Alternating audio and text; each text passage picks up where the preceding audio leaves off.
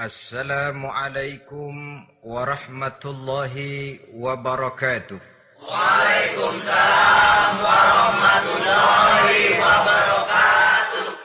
بسم الله الرحمن الرحيم. الحمد لله رب العالمين. والصلاة والسلام على أشرف الأنبياء والمرسلين. سيدنا ومولانا محمد. وعلى آله وأصحابه المجاهدين الطاهرين أما بعد سبحانك لا علم لنا إلا ما علمتنا إنك أنت العليم الحكيم لا حول ولا قوة إلا بالله العلي العظيم Saudara-saudara kaum muslimin, terutama adik-adik para remaja dan pemuda yang saya cintai. Apabila seseorang akan membangun rumah, tentu saja dia akan mengadakan beberapa pilihan.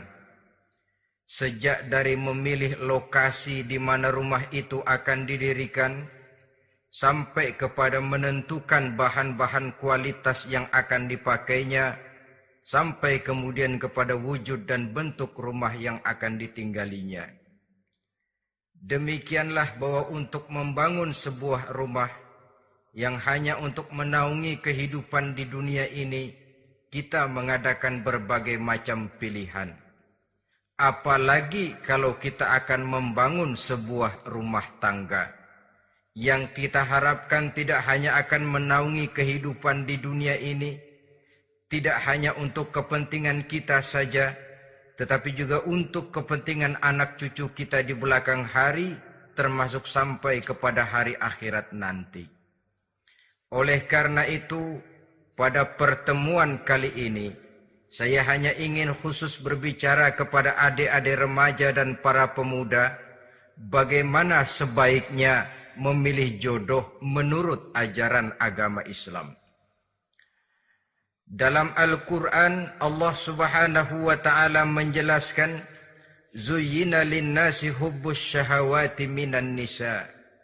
Bahwa manusia apa pun jenisnya asal dia bernama manusia Dihiasi dengan perasaan cinta kepada perempuan.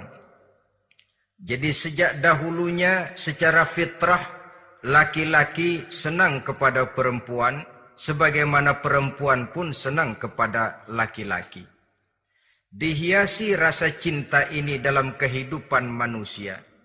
Dan oleh karena adanya rasa cinta, berkembanglah segala macam persoalan. Sehingga seorang ahli cinta pernah berkata, cinta adalah lima huruf yang membuat persoalan tidak akan pernah selesai lima huruf yang membuat persoalan tidak akan pernah selesai-selesai. Tetapi dalam kehidupan sehari-hari sering kita saksikan bahwa cinta ini bisa mendorong memberikan motivasi yang baik dan cinta ini pun bisa juga memberikan dorongan yang tidak baik. Oleh karenanya apabila cinta itu ibarat setetes embun yang jatuh di bumi yang subur akan tumbuhlah di atasnya aneka ragam bunga-bungaan yang harum semerbak indah mewangi, sedap dipandang orang, menebarkan rasa aman, damai, sentosa, dan begitu selanjutnya. Tapi jika cinta itu jatuh di hati ger yang gersang dan tandus, tidak ada yang akan dapat tumbuh di sana selain sirih memanjat batu, kuning daunnya, lemah gagangnya, maka cinta yang semacam itu tidak akan memberikan dorongan positif kepada seseorang di dalam kehidupannya. Maka lebih dahulu kita akan membicarakan cinta dalam artian yang positif ini untuk nanti sampai kepada perempuan yang bagaimana yang harus kita cintai atau laki-laki yang bagaimana yang harus dicintai oleh seorang perempuan. Saudara hadirin yang saya hormati, Cinta dalam artian yang positif. Pertama, dia selalu mendatangkan keindahan. Yang kedua, cinta itu memberikan energi atau semangat untuk berjuang. Dan yang ketiga, cinta itu selalu membawa resiko dalam bentuk pengorbanan. Maka cinta yang positif pertama melahirkan keindahan. Di sinilah orang memerlukan filter atau saringan. Sebab keindahan yang didasarkan karena cinta itu merupakan satu keindahan yang relatif saja. Boleh jadi karena indah orang jadi cinta, boleh juga jadi karena cinta segala sesuatu terasa jadi indah. Namun bagaimanapun juga kalau hati sudah diliputi oleh rasa cinta, segalanya akan terasa menjadi indah. Cinta itu adalah keindahan. Yang kedua, cinta itu energi, melahirkan dorongan dan semangat. Yang lemah bisa menjadi kuat, yang takut bisa menjadi berani, yang jauh jadi terasa dekat, itu semua karena dorongan cinta. Dan dari energi ini lahirlah yang ketiga bahwa cinta adalah pengorbanan. Sehingga orang berkata, berani bercinta artinya harus berani berkorban. Takut berkorban, jangan bercinta. Kalau cinta ini kita salurkan kepada nilai-nilai agama umpamanya, yang pertama, cinta mendatangkan keindahan. Kita cinta kepada agama, maka apa pun yang diperintahkan oleh agama akan terasa menjadi indah. Solat akan terasa menjadi indah. Puasa terasa menjadi indah. Zakat terasa menjadi indah. Jihad pun akan terasa menjadi indah. Persis kalau kita cinta kepada seorang gadis. Jika kita cinta kepada seorang gadis, apanya saja akan kelihatan menjadi indah. Jalannya terasa indah, lenggang-lenggoknya terasa indah, suaranya merdu padahal cemprengnya bukan main. Seluruhnya akan mendatangkan keindahan karena dasarnya sudah cinta. Cinta membawa kepada keindahan. Yang kedua, cinta itu melahirkan energi. Orang yang cinta kepada agama akan lahir tenaga dan semangatnya melaksanakan ibadah, melaksanakan puasa, melaksanakan zakat, melaksanakan solat, melaksanakan haji, bahkan melaksanakan jihad sekalipun. Cinta selamanya menimbulkan energi dan semangat. Sama saja dengan kita apabila jatuh cinta kepada seorang gadis, walaupun rumahnya jauh katanya, gunung pun akan kudaki, lautan pun kuseberangi. Untuk apa itu? Untuk menemui apa yang kita cintai. Cinta selamanya melahirkan energi. Capek tidak terasa, lelah tidak terasa, semuanya tertutup oleh keindahan yang bernama cinta. Lalu yang ketiga, cinta membawa pengorbanan. Apabila kita cinta kepada agama, maka pengorbanan terhadap apa pun yang diminta oleh agama, baik itu pengorbanan waktu, tenaga, pikiran, harta, bahkan pengorbanan nyawa sekalipun, kita tidak akan berat melaksanakannya karena cinta kita kepada agama yang kita anut ini. Demikian juga cinta kita kepada seorang perempuan akan membuat kita rela berkorban. Apa pun yang dia minta, jangankan kita tidak mampu, jangankan kita mampu, kita tidak mampu sekalipun kita masih berusaha untuk mampu guna memenuhi tuntutan si buah hati belahan jantung. Kadang-kadang malam minggu si doi ngajak nonton. Umpamanya, umpamanya Duit tidak ada, gajian belum, kerja enggak. Timbullah inisiatif. Entah sepatu kita jual ke tukang loa. Entah celana mampir dulu ke tempat lain. Yang penting kita berkorban untuk memenuhi permintaan si buah hati belahan jantung. Ketika itu pengorbanan sudah tidak kita rasakan lagi. Bahkan pengorbanan yang paling pedih sekalipun. Dalam gurau, dalam bercanda misalnya. Dicubit kita oleh kekasih kita. Pedih bukan main. Terkelupas kulit. Mengalir darah. Bukan nangis, nyengir. Malah kadang-kadang minta tambah dicubit lagi. Itulah romantikanya cinta, sanggup membuat orang berkorban, melahirkan energi dan semangat, menambah keindahan dalam kehidupan. Sepanjang dia dalam artian yang positif. Kalau demikian masalahnya, di dunia yang penuh dengan perbenturan nilai sekarang ini, orang sering salah jalan bagaimana memilih jodoh untuk membangun rumah tangga yang bahagia. Jangan lupa bahwa membangun rumah tangga ini bukan hanya untuk satu dua bulan. Bukan hanya untuk satu dua tahun. Bahkan bukan cuma untuk kehidupan dunia. Lebih daripada itu pun untuk menunjang kebahagiaan di akhirat.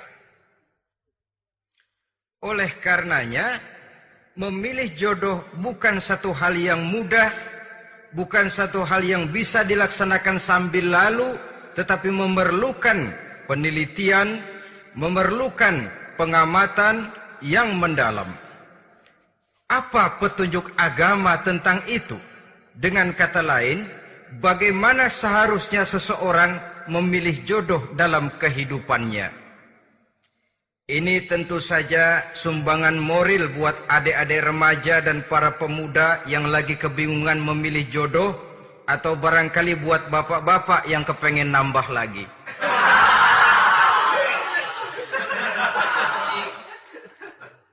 Mohon maaf kepada ibu-ibu saya tidak menganjurkan cuma ngajarin. Yang pertama menurut Nabi Nikahilah perempuan itu karena rupanya, karena hartanya, karena keturunannya, dan karena agamanya. Ada empat motif utama di sini. Pertama, memilih jodoh, lihatlah rupanya. Lagian siapa yang kepengen dapat jodoh rupanya nggak karu-karuan? Cari rupa yang cantik, indah, dan menawan. Namun jangan lupa, saya katakan di zaman di mana sering terjadi benturan nilai seperti sekarang ini, orang sulit untuk mendapatkan keaslian. Di mana teknologi sudah sedemikian canggih, di mana ilmu kedokteran sudah sedemikian maju, maka berbagai macam rupa bisa dibentuk dengan apa yang dinamakan operasi plastik misalnya. Yang pesek bisa dibikin mancung, Kuping yang kelebaran bisa dibikin sedang.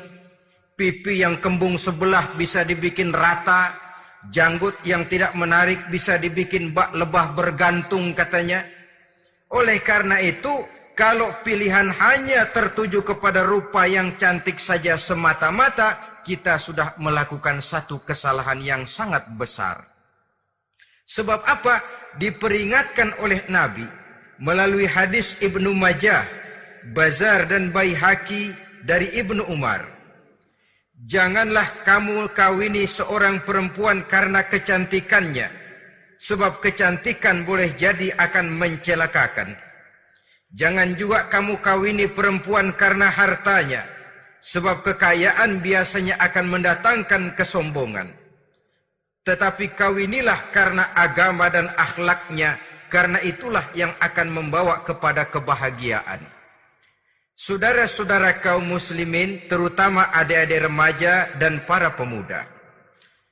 Dikala usia puber, apalagi mata baru terbuka, awal awal balik namanya, remaja sering kehilangan filter. Pokoknya asal lihat rupa yang sudah lemot, denok, geboy, pikiran pun hanyut, malam terkenang, siang terbayang, tidur tak nyenyak, makan tak enak katanya, selalu terbayang wajah si doi. Dikala itu orang kehilangan pertimbangan bahwa rupa yang cantik kadang-kadang sering menipu. Diriwayatkan oleh Imam Ibnu Abbas. Satu hari ketika sedang kumpul dengan para sahabat, lewatlah orang dengan potongan hef ya, potongan orang kaya Kelihatan kan orang kaya sama orang miskin jalannya aja lain kan. Jalannya saja jangan gaya hidupnya, jalannya saja lain. Liwat dia. Rasul bertanya kepada seorang sahabat, menurut pendapatmu bagaimana orang yang lewat itu? Kata sahabat, oh yang lewat ini ya Rasul, kalau dia meminang perempuan pasti diterima. Kalau dia menolong orang pasti berhasil. Kalau dia ngomong pasti didengerin. Kenapa? Orang kaya. Orang kaya ya Rasul.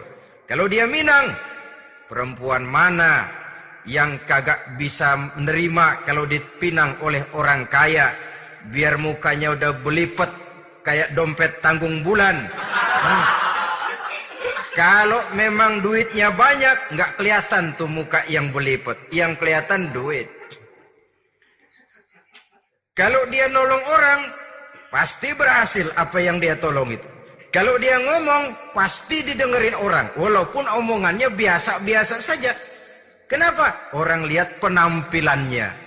Sudah, ketika orang itu lewat, beberapa lama kemudian lewat lagi seseorang yang kelihatannya miskin. Rasul tanya lagi, kalau orang ini, bagaimana pendapat kamu? Wah, potongan begini si Rasul. Kalau dia Minang, orang tolak. Siapa yang mau kawin sama kere begini? Kalau dia nolong orang, pasti nggak berhasil. Kalau dia ngomong, kagak bakalan ada yang mau dengerin. Siapa yang mau dengerin orang susah ngomong? Setelah orang itu lewat, apa kata Rasul? Orang yang terakhir, yang lewat ini, yang barusan lewat, jauh lebih baik dari yang pertama yang lewat tadi. Jauh lebih baik. Maksud dari ucapan ini Rasul sebenarnya mendidik para sahabat jangan tertipu oleh penampilan. Sebab penampilan tidak selamanya mencerminkan keaslian. Apalagi di zaman sekarang. Salon di mana-mana bejibun. Alis mata bisa dibikin. Pipi bisa dicat. Yang pinggir kuning, yang tengah merah. Di sebelah merah ada yang kehitam-hitaman. Persis orang kepentok tiang listrik.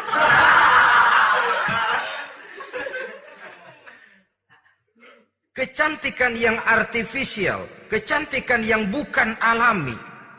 Karena itu silakan saja cari yang cantik. Tapi jangan terpaku sampai di situ.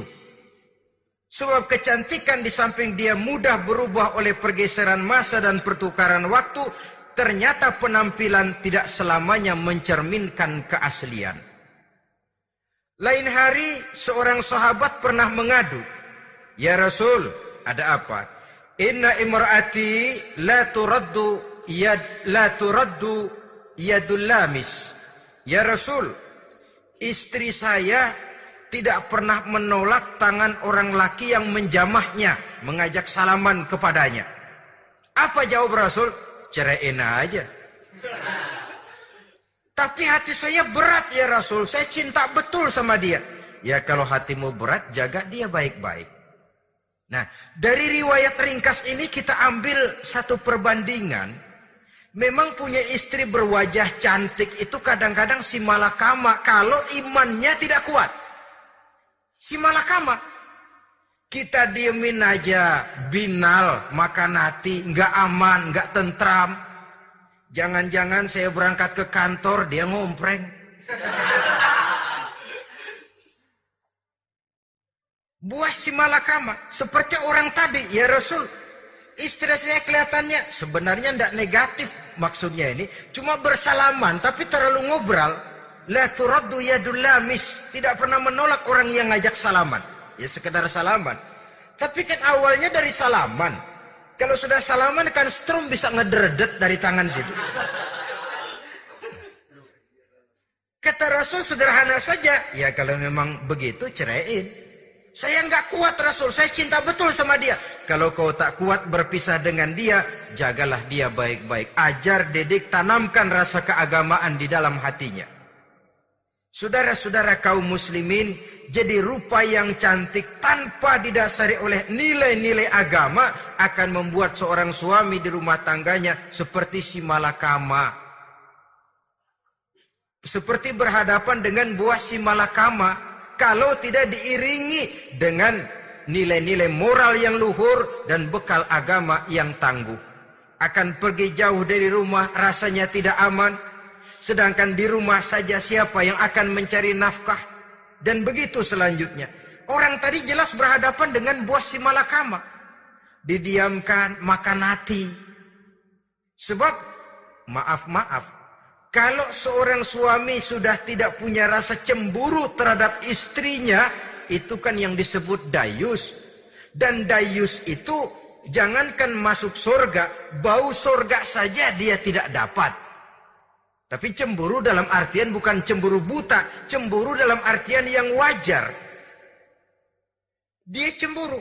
Akan dikerasi takut kalau istrinya minta cerai. Sedangkan dia cintanya sudah kadung medok bener. Si malakama jadinya. Nah ini ini juga satu riwayat yang memberikan gambaran kepada kita. Pilihan silakan cari rupa yang cantik saja. Cari yang cantik. Tapi kalau itu dijadikan motif utama tanpa dasar-dasar agama, saya khawatir nanti rumah tangga kita akan berhadapan dengan buah si malakama. Jadi ada adik remaja, usaha, ikhtiar, cari yang cantik. Yang kira-kira nggak membosenin. Supaya kita betah tinggal di rumah. Supaya kita merasa ada tempat berbagi rasa, ada tempat kita bernaung. Sebab kalau nyari bini sebini-bininya mah, Ya jodoh di tangan Tuhan, kagak usah nyari juga ntar datang diri umpamanya. iya kalau yang datang peot. Orang harus berusaha walaupun pada akhirnya jodoh toh memang ditentukan Allah. Kan tiga hal yang kita tidak bisa menentukan itu katanya. Maut, rezeki, jodoh. Itu yang masuk uh, mysterious problem. Problem yang misterius. Maut, misterius. Kapan kita mati, kita sendiri tidak tahu. Tahun depan, 50 tahun lagi, 100 tahun lagi, tidak pernah seorang pun diberitahu. Tapi yang pasti dia bakal datang. Kapan dan di mananya, kita tidak tahu. Bisa di rumah, bisa di masjid, ya Alhamdulillah. Bisa di majelis taklim, syukur bisa di medan perang membela agama, bagus. Pasti dia akan datang. Maut, mysterious problem. Sesuatu yang kita tidak tahu kapan datangnya. Rezeki, gitu juga. Sehingga orang sering bilang, rezeki katanya kayak bayangan. Kita ubur-ubur, dia lari. Kita diam, dia mah diam. Setengah mati kita ubur-ubur. Emang ukuran segitu? Segitu aja. Begitu kita nggak ngapa-ngapain, datang yang bawain rezeki. Namanya rezeki itu mysterious problem. Kadang-kadang ngobek, sungsang, sumbul, udah segala tanah orang kita ukur-ukurin. Udah segala ngomong sudah nggak ada yang loh tuh sudah buta, buta. Tapi memang bayangan kalau belum rezeki ya belum. Kadang-kadang nyari kode sampai tidur di kuburan. Belepotan tanah kuburan loh. Yang aneh lagi kadang-kadang orang gila ditanyain. Allahu Akbar ini kode-kode zaman sekarang ini. Sampai orang waras nanyain orang gila itu gimana itu. Ini sudah efek yang betul-betul negatif. Sudah jelas orang gila kok ditanya. Apa kira-kira yang nanya nggak lebih gila dari yang gila itu?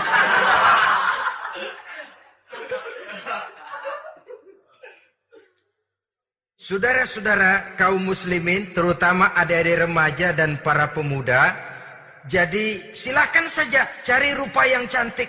Karena dia akan jadi tautan hati, buah hati belahan jantung. Tempat kita berbagi rasa, tempat kita pulang dan tinggal di rumah tangga kita. Tapi hendaknya kecantikan rupa itu diiringi juga dengan kecantikan budi. Karena itu cari rupa yang cantik. Ini pilihan utama. Yang kedua, kata Nabi, harta cari yang kaya. Tetapi jangan lupa, jangan dijadikan pilihan utama. Karena kekayaan sering mendatangkan kesombongan. Apalagi kalau seorang pemuda mendapat istri orang kaya. hidupnya dimodali oleh istrinya. Maka biasanya wibawanya sebagai seorang suami akan hilang.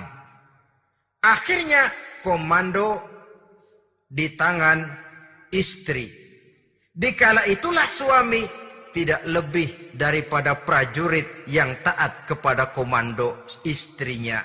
Padahal menurut konsep Quran, Ar-rijalu qawwamuna 'alan nisa. Laki-laki diciptakan sebagai pembimbing bagi perempuan. Kalau nanti suatu saat terjadi benturan, sedangkan modal diberikan oleh istri, terjadilah pengungkitan. Kata istrinya apa? Lu jangan bertingkah, lu kan kawin sama gue modal lu kolor doang.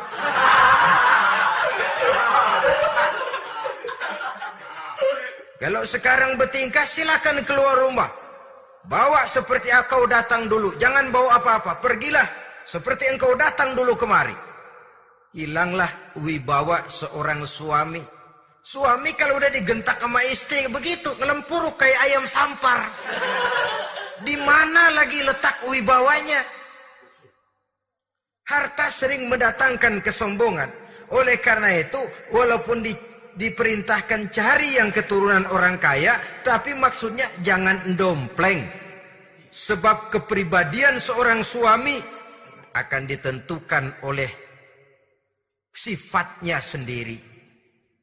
Keberadaannya ditentukan oleh karya dan perbuatannya sendiri. Itulah yang akan menampilkan kepribadian dia dalam kehidupan di masyarakat ini. Saudara-saudara kaum muslimin, terutama adik-adik remaja dan para pemuda. Kan kadang-kadang di zaman sekarang kan kelas-kelas gigolo, playboy-playboy, ya. Nyari tante-tante kesepian, mejeng-mejeng di pinggir-pinggir jalan. Dengan harapan apa? Ya barterlah. Tukar tambah. Nah, supaya dapat rokok, dibelikan pakaian, motor dan sebagainya. Tapi yang jelas hilang harga diri sebagai laki-laki dan itu yang paling mahal. Kalau seorang laki-laki sudah kehilangan harga diri, apalagi yang bisa dibanggakan dalam kehidupan ini? Apa artinya naik mobil kalau kepala tertunduk ke bawah? Apa artinya jalan di tengah masyarakat kalau kita tidak bisa menengadah dengan satu kebanggaan?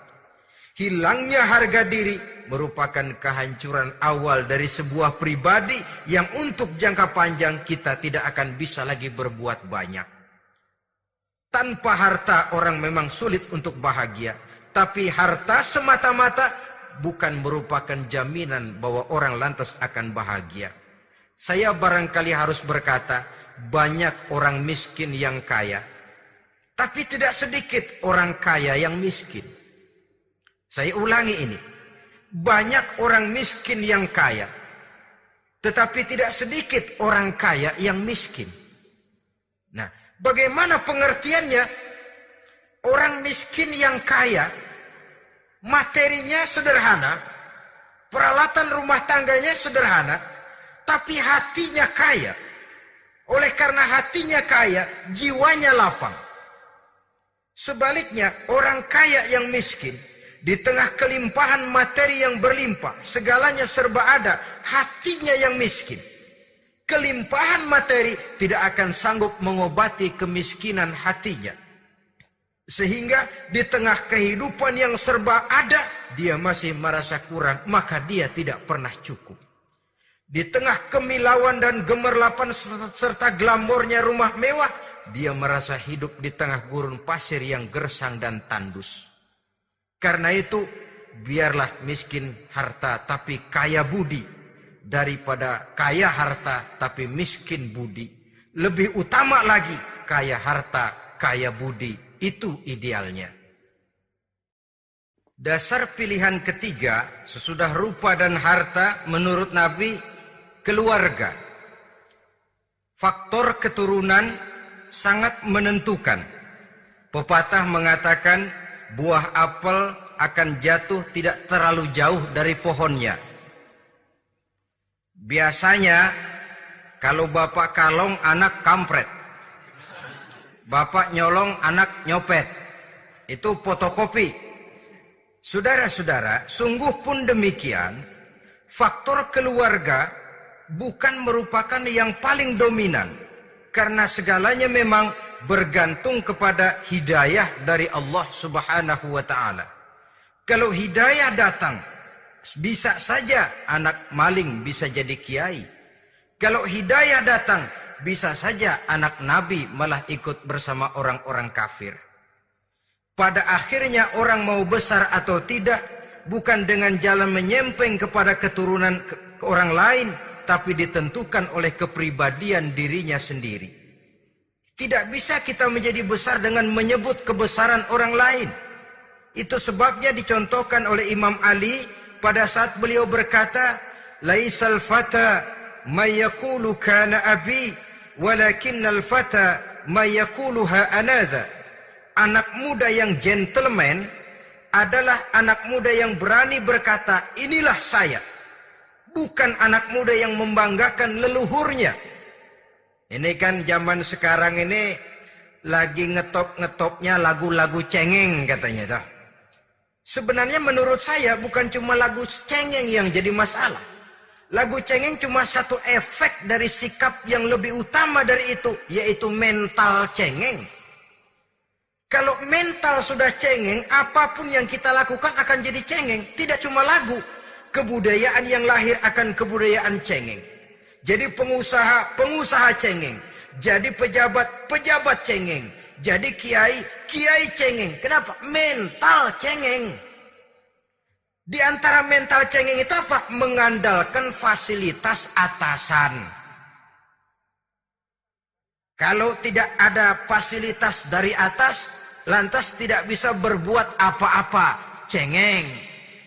Menjadi besar bukan karena karier pribadi, tapi karena nasib katrolan. Itu pun termasuk mental cengeng. Sedikit gagal, B. Bagaimana B? Sedikit jalan buntu, babe. Sedikit deadlock, babe. Lu ngapain babe lu melulu? Saudara hadirin yang saya hormati, jadi lebih penting dari sekedar lagu-lagu cengeng, saya lebih malah lebih suka bicara mental cengeng ini. Mental yang cepat putus asa. Mental yang tidak mau mengeluarkan usaha maksimal. Mental yang hanya mengandalkan fasilitas. Sedangkan pribadinya tidak lebih daripada pribadi sumuhun dawu. Pribadi kulonuwun. Pribadi kumahajuragan wae. Pribadi oke okay, bos pribadi asal bapak senang. Bukankah itu semua merupakan cermin dari mental-mental yang cengeng yang untuk jangka panjang tidak akan pernah menguntungkan daripada pembangunan bangsa dan negara yang kita cintai ini. Seseorang mau besar atau tidak bukan dengan jalan menyempeng kepada kebesaran orang lain. Bahkan Syauqi dalam sebaik syairnya yang lebih tegas mengatakan wa syarrun nasi zu khumulin. Iza fakhartahum zakarul jaduda. Wa syarrun nasi wa khairun nasi zu syarafin qadimin. Aqama li nafsihi syarafan jadida. Generasi yang paling jelek adalah generasi pemalas. Kalau kelihatan orang lain lebih hebat dari dia disebut-sebutnya kebesaran nenek moyangnya. Dia sendiri nggak punya prestasi apa-apa Kerjanya cuma ngandeli babe. Kerjanya cuma menggelayuti fasilitas orang tuanya. Tanpa itu, dia tidak akan punya nilai dan harga sama sekali. Ini generasi paling jelek. Kalau orang lain kelihatan lebih hebat, dia sebut nenek moyangnya. Lo sih belum apa-apa lo, baru kopral lo. Engkong gua no, komandan Hansip. Engkong engkongnya yang disebutin. Dia sendiri tidak punya prestasi apa-apa. Jadi silahkan saja cari gadis dari keturunan keluarga yang baik-baik. Tapi jangan jadikan tendensi utama, jangan dengan niat untuk menyempeng kepada kebesarannya. Tapi paling tidak dengan niat agar mudah-mudahan dari benih yang baik ini akan lahir keturunan-keturunan yang baik pada akhirnya. Itu yang kita harapkan. Bukan lalu dengan pertimbangan, weh, mertua gue bos nih, kali aja begitu gue kawin jam mampus. Ini semua warisan kan jatuh kemari semua. Kalau itu niatnya sudah jelas salah. Kita mencari perempuan dengan keturunan-keturunan yang baik dengan berharap agar anak-anak kita nanti yang akan merupakan benih cucunya akan melahirkan kebaikan-kebaikan seperti leluhurnya dulu. Saudara, pilihan yang keempat kata Nabi, agama. Ini yang paling inti. Kenapa? Agama itu motivasinya moral. Di sini segalanya ditentukan. Rupa yang baik, harta yang banyak, keluarga yang luhur. Kalau sudah dilandasi oleh agama yang rapuh, bahkan tidak beragama sama sekali. Ketiga hal di atas tadi hanya akan mendatangkan malapetaka. Sekarang kan kita tertipu oleh penampilan. Padahal penampilan belum tentu kenyataan. Di jalan-jalan kita akan lebih terpesona melihat gadis pakai miniskirt di atas lutut ketimbang kita melihat gadis-gadis yang pakai jilbab. Kalau sudah pakai jilbab keliwat, yang usil banyak banget, hmm, bau sorga nih. bau sorga katanya. Tapi kalau sudah yang pakai miniskirt itu yang lewat, itu dari ujung ke ujung mata kagak mau kedip. Lalar nemplok di mata kagak dirasain. Kita terpesona oleh penampilan zahir, padahal penampilan belum tentu memantulkan hal yang sebenarnya. Tapi memang itulah watak manusia. Watak manusia, saya katakan manusia tanpa kecuali. Tetapi bergantung kepada pemikiran jangka pendek atau jangka panjang. Kalau jangka panjang yang kita pikirkan, ya tentu kita tidak akan mudah terpesona oleh hal yang zohir. Sampai-sampai Quran sendiri mengatakan, budak yang hitam legam, tapi beriman, itu lebih baik daripada orang-orang musyrik, walaupun cantik, denok, lemot, geboy. Ada lagi nggak bahasa yang lebih dari itu? Cantik, denok, lemot, geboy, bahenol, nerkom, tapi kafir masih lebih baik budak yang hitam legam sekalipun. Kalau dia beriman. Kenapa? Rumah tangga untuk jangka panjang. So itu Islam tidak membolehkan kawin campuran dengan lain agama. Walaupun ada ayat yang mengatakan boleh kawin dengan ahlul kitab. Tapi sebagian mufasir menjelaskan bolehnya kawin dengan ahlul kitab itu dalam kondisi darurat. Dalam kondisi normal tidak bisa. Kenapa? Kalau sudah berlainan agama. Akan terjadi kerancuan rumah tangga untuk jangka panjang. Bagaimana membina dalam keharmonisan di rumah tangga. Bagaimana nasib anak-anak nanti Kadang-kadang ada keluarga, ah kami sih keluarga modern. Anak-anak kami berikan kebebasan untuk milih agama apa saja. Bapaknya Islam, istrinya Kristen, anaknya ada yang Hindu, Buddha. Bagus nih, keluarga pecel namanya. Bagaimana keluarga modern bisa seperti itu? Padahal seorang suami bertanggung jawab di hadapan Allah. Dia akan ditanya tentang istrinya. Dia akan dimintakan pertanggungan jawab tentang anak-anaknya. Kalau istri kita berlainan agama, mungkin terjadi pengkaplingan. Pokoknya kalau anak perempuan ikut ibu, anak laki ikut bapak. Administrasi dunia bisa begitu. Tapi akhirat, pertanggungan jawab di hadapan Allah. Bisakah kita, sorry aja Tuhan emang janjinya begini. Saudara hadirin yang saya hormati, oleh karena itu budak legam hitam kalau beriman masih lebih baik daripada orang-orang yang tidak beriman walaupun cantik dan mempesona. Kenapa? Ini faktor agama. Ya buat satu dua bulan bisa terwujud rumah tangga yang tentram. Dua tiga tahun mungkin masih bisa bertahan, tapi sampai kapan? Sampai kapan itu akan terwujud? Pada akhirnya akan muncullah dilema yang akan sulit buat diatasi. Oleh karenanya motif agama dijadikan stres oleh Nabi fasfar bizatiddin taribat iadak pilih agama sebagai titik sentral sebagai pilihan utama kalau agamanya kuat walaupun rupanya sederhana tapi karena nilai agamanya kuat dia bisa menyenangkan hati suaminya dia bersolek untuk kepentingan suaminya dia taat kepada suaminya.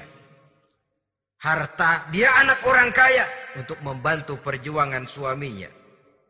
Tapi kalau tidak ada modal agama, rupa yang cantik bisa menyengsarakan suami. Apalagi kalau suami kere.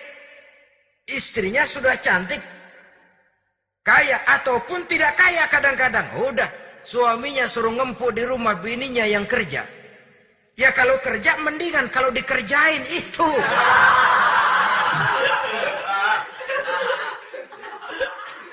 itu yang repot. Saudara hadirin yang saya hormati, dan ini bukan satu dua kasus. Alangkah malangnya kalau sudah terkena hal seperti itu. Akhirnya seperti pengaduan sahabat kepada Rasul tadi. Mau diceraiin cinta saya udah medok benar Rasul.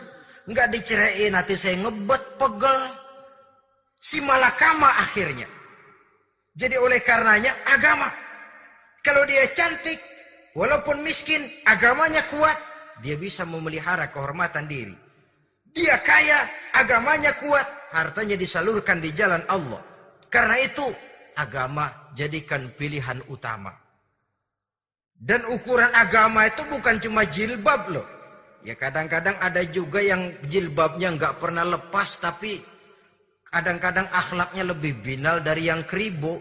Ada, ada cuma cuma cuma sekedar kamuflase saja itu pun penampilan, sekedar penampilan saja. Cuma dari segi aurat ya memang lebih baik dan lebih utama. Dan saya kira lebih mengundang penasaran toh. Duren kalau udah dibuka kan kelihatan isinya. Eh emang udah begitu. Udah. Tapi kalau masih rapat itu yang rasanya kita pengen buka. Timbul tantangan. Gue pengen tahu isinya. Rasanya juga begitu. Sama saja dengan baju. Kalau dibungkus rapat di plastik. Ditaruh di etalase. Adanya di toko mau serba ada. Tahu kita barang mahal nih. Biar punya duit, kita mau nawar ragu-ragu, takut nggak cukup. Tapi kalau barang sudah dibuka di jalanan, diobral di pinggir jalan, murahan, seribu tiga masih dicampur odol. Yang begitu sih biar nggak punya duit, kita berani banget tanya, nawar, megang lagi nyemek. Berat duit nih bang. Kenapa? Barang sudah terbuka. Jadi saudara-saudara, syukur kalau keempat-empatnya ini jodoh terkumpul dalam jodoh yang saudara cari. Sudah rupanya cantik, kaya, keturunan orang baik-baik, agamanya kuat. Nah, surga dunia tuh. Yang begitu cari. Kalau ada yang begitu, saya juga mau nambahin satu lagi.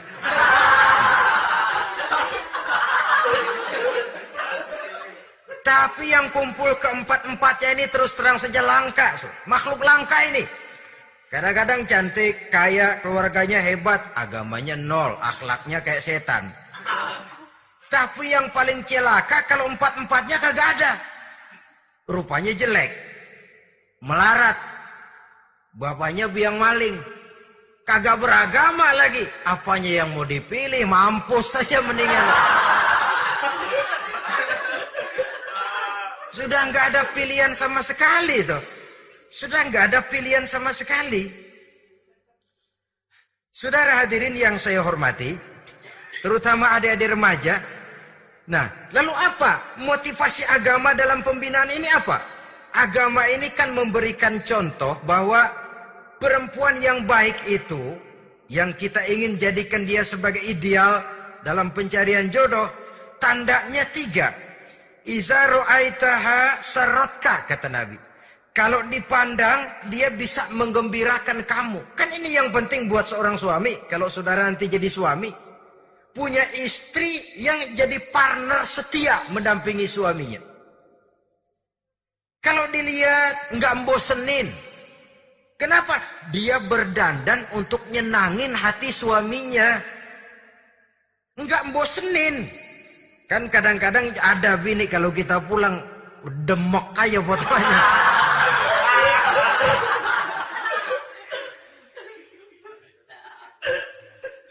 Ini yang yang bikin suami nggak betah di rumah ini kan yang begini. Adapun perempuan yang beragama apabila dipandang oleh suaminya dia pandai menyenangkan hati suaminya. Andai kata suaminya dalam kesulitan, dia tidak menambah beban kesulitan. Paling tidak dia bisa memberikan satu bantuan moral. Bantuan moral untuk mengurangi beban kesulitan daripada suaminya. Suami pulang dagang rugi, kata istrinya, romantika bang. Sekali-sekali lah, masa selamanya dagang mau untung. Besok siapa tahu untung lebih besar. Kan meringankan tuh. Kadang-kadang enggak suami pulang dagang dari pasar panas, rugi. Sampai rumah bini pidato. Peletar, peletor. Lu dagang rugi emang lu laki goblok.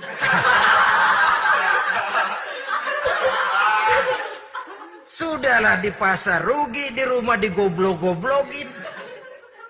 Ini, ini nanti kena penyakit broken home yang begini ini.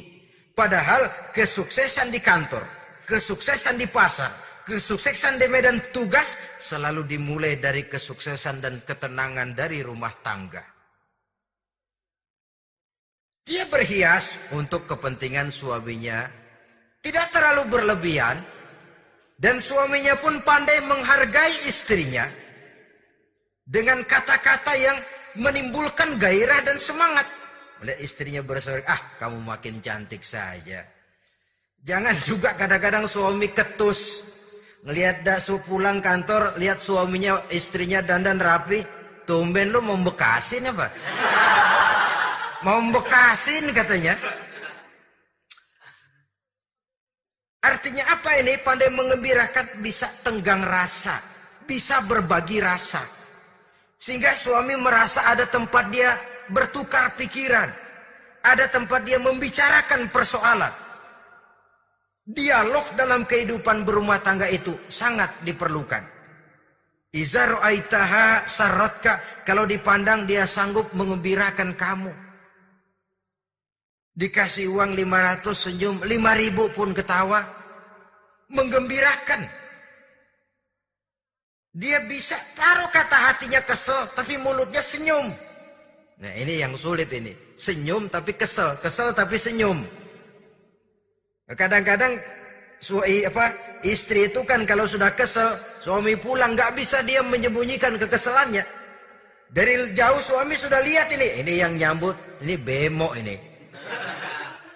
Udah monyong serem. Saudara hadirin yang saya hormati. Yang kedua, bila diperintah dia taat. Ini pengaruh agama. Sehingga Nabi mengatakan, "Lau amartu li ahadin juda ila ghairiha, la amartul mas'ada la amartul mar'ata litasjuda ila zaujiha, likibari haqqihi 'alaiha."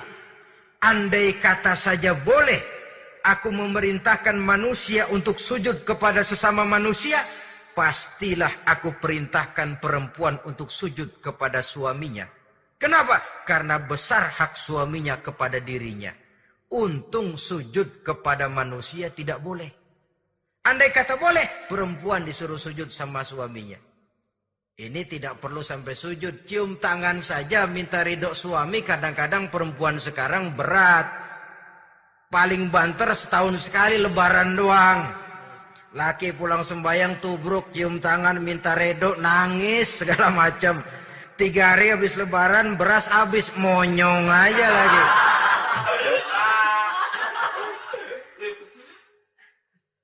Saudara hadirin yang saya hormati. Yang ketiga, akibat pengaruh agama, dia sanggup memelihara kehormatan diri dan sanggup menjaga harta suaminya. Memelihara kehormatan diri baik pada saat suaminya di rumah atau pada saat suaminya tidak ada di rumah. Satu riwayat. Seorang sahabat akan pergi perang jihad di fi sabilillah. Ketika mau berangkat dia bilang kepada istrinya, "Saya mau berangkat perang.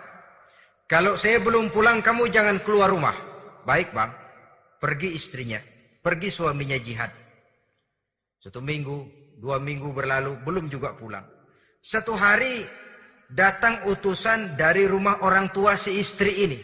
Assalamualaikum bu. Waalaikumsalam. Ada apa? ada berita kurang enak bu, orang tua ibu sakit parah, mohon tolong ditengokin. Apa kata si istri? Maaf saja, suami saya belum pulang dari medan perang. Saya belum dapat izin keluar rumah kalau dia belum pulang.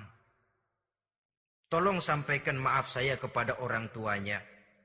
Pulanglah utusan tadi. Besok balik lagi. Bu, ada apa? Udah Senin Kemis. Napasnya sudah sampai tenggorokan. Tolong tengokin buat terakhir kalinya bu. Suami saya belum pulang. Dia pesan kalau dia belum pulang saya jangan keluar rumah. Saya nggak bisa tengokin orang tua saya. Salam maaf saja. Pulang utusan itu. Besok balik lagi. Bagaimana? Sudah meninggal bu. Mau dikubur. Tengokinlah buat terakhir kalinya. Suami saya belum pulang. Saya belum berani keluar rumah kalau suami saya belum pulang. Itu janji saya sama suami saya. Pulanglah utusan ini ngadu kepada Rasulullah sallallahu alaihi wasallam. Ya Rasul, ini perempuan kelewatan benar. Dari orang tuanya sakit sampai sekarat, sampai mati, sampai dikuburin dia nggak nengokin. Memangnya kenapa? Suaminya katanya pergi jihad. Dan suaminya tidak mengizinkan dia keluar rumah. Kalau si suami belum pulang.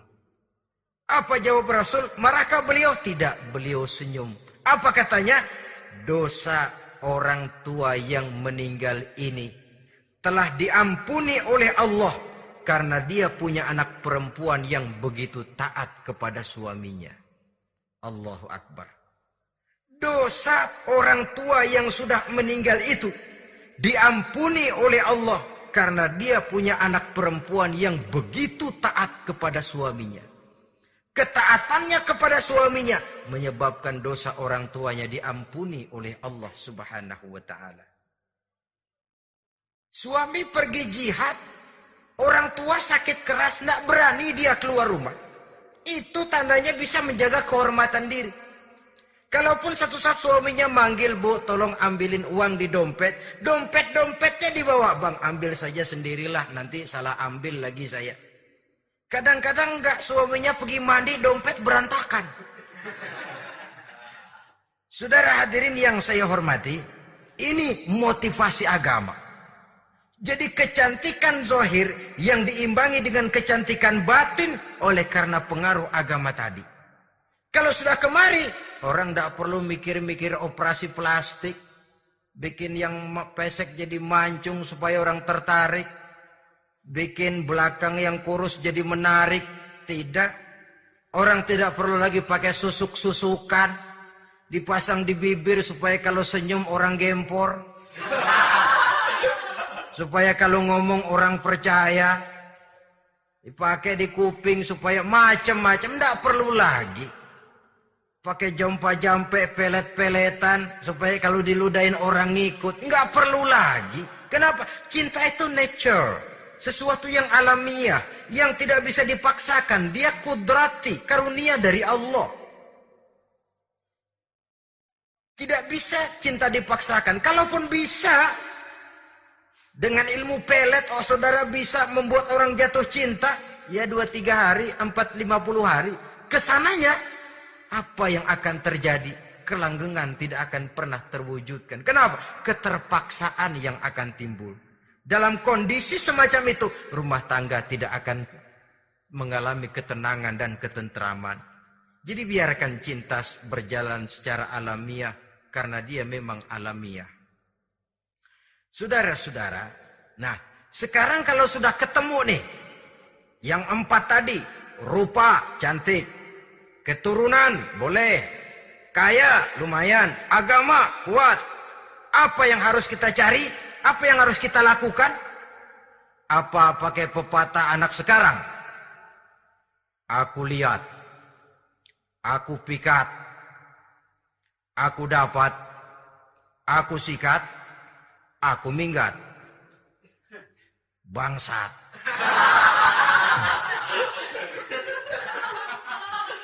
Itu kan ada moto cinta kilat begitu tuh. Cinta kilat katanya. Aku lihat, aku pikat, aku dapat, aku sikat, aku minggat. Bangsat. Atau kita harus hanyut dalam arus free love, free sex, summon liven, eksperimen dulu. Tidak. Islam mengajurkan kalau memang seret, nah ini rasanya ini nih, mantap gue nih. Apa yang diajarkan oleh Islam selanjutnya? Meminang, saudara-saudara. Meminang adalah langkah awal untuk mengikat tali pernikahan. Diizinkan meminang, dan di dalam meminang pun diizinkan untuk melihat. Cuma kalau boleh, ya syaratnya itu waktu melihat itu jangan sampai ketahuan si perempuan yang akan kita pinang itu. Untuk apa kita meminang? Pertama untuk yakin. Yakin bahwa perempuan yang kita inginkan ini sudah kumpul syaratnya itu tidak ada cacatnya. Yang kedua, untuk memperkuat tekad hidup berumah tangga. Diperlukan meminang. Adapun adat itu berbeda. Tapi bahwa konsep meminang itu dalam Islam ada, itu jelas. Ya kalau mesti bawa pisang raja, pakai roti buaya, pakai martabak, segede ban mobil truk segala macam. itu adat saja, ya. Tapi yang real meminang itu ada dalam Islam. Nah, bagaimana adab meminang? Setelah kita tahu anak ini cantiknya ya, keturunan baik, ya kekayaannya lumayan, agamanya kuat, pinanglah dia. Caranya boleh lihat langsung. Lihat langsung kalau bisa tanpa setahu si perempuan. Dan batas yang boleh dilihat itu muka dan tangan. Itu saja. Jadi jangan gerusak. Minta permisi pak, saya mau ngelihat anak bapak seutuhnya. Soalnya buat saya ini nanti. Apanya aja dibedolin, jangan. Kira-kira yang boleh itu muka sama tangan. Andai kata kita risih, sebab nanti kalau nggak jadi akan jadi timbul rasa malu dan si perempuan juga kasihan. Boleh mengutus perempuan yang kita percaya. Coba kau ke sana, lihat kondisinya yang sebenarnya bagaimana. Kalau ngelihat kalau ngelihat dari jauh sih utuh, siapa tahu nanti tangannya kurang sebelah. Coba lihat sana. Saudara-saudara, kemudian boleh juga ditanyakan kepada orang tuanya. Dan dalam hal ini orang tua si gadis tidak boleh menyembunyikan aib atau cacat yang dimiliki oleh anaknya.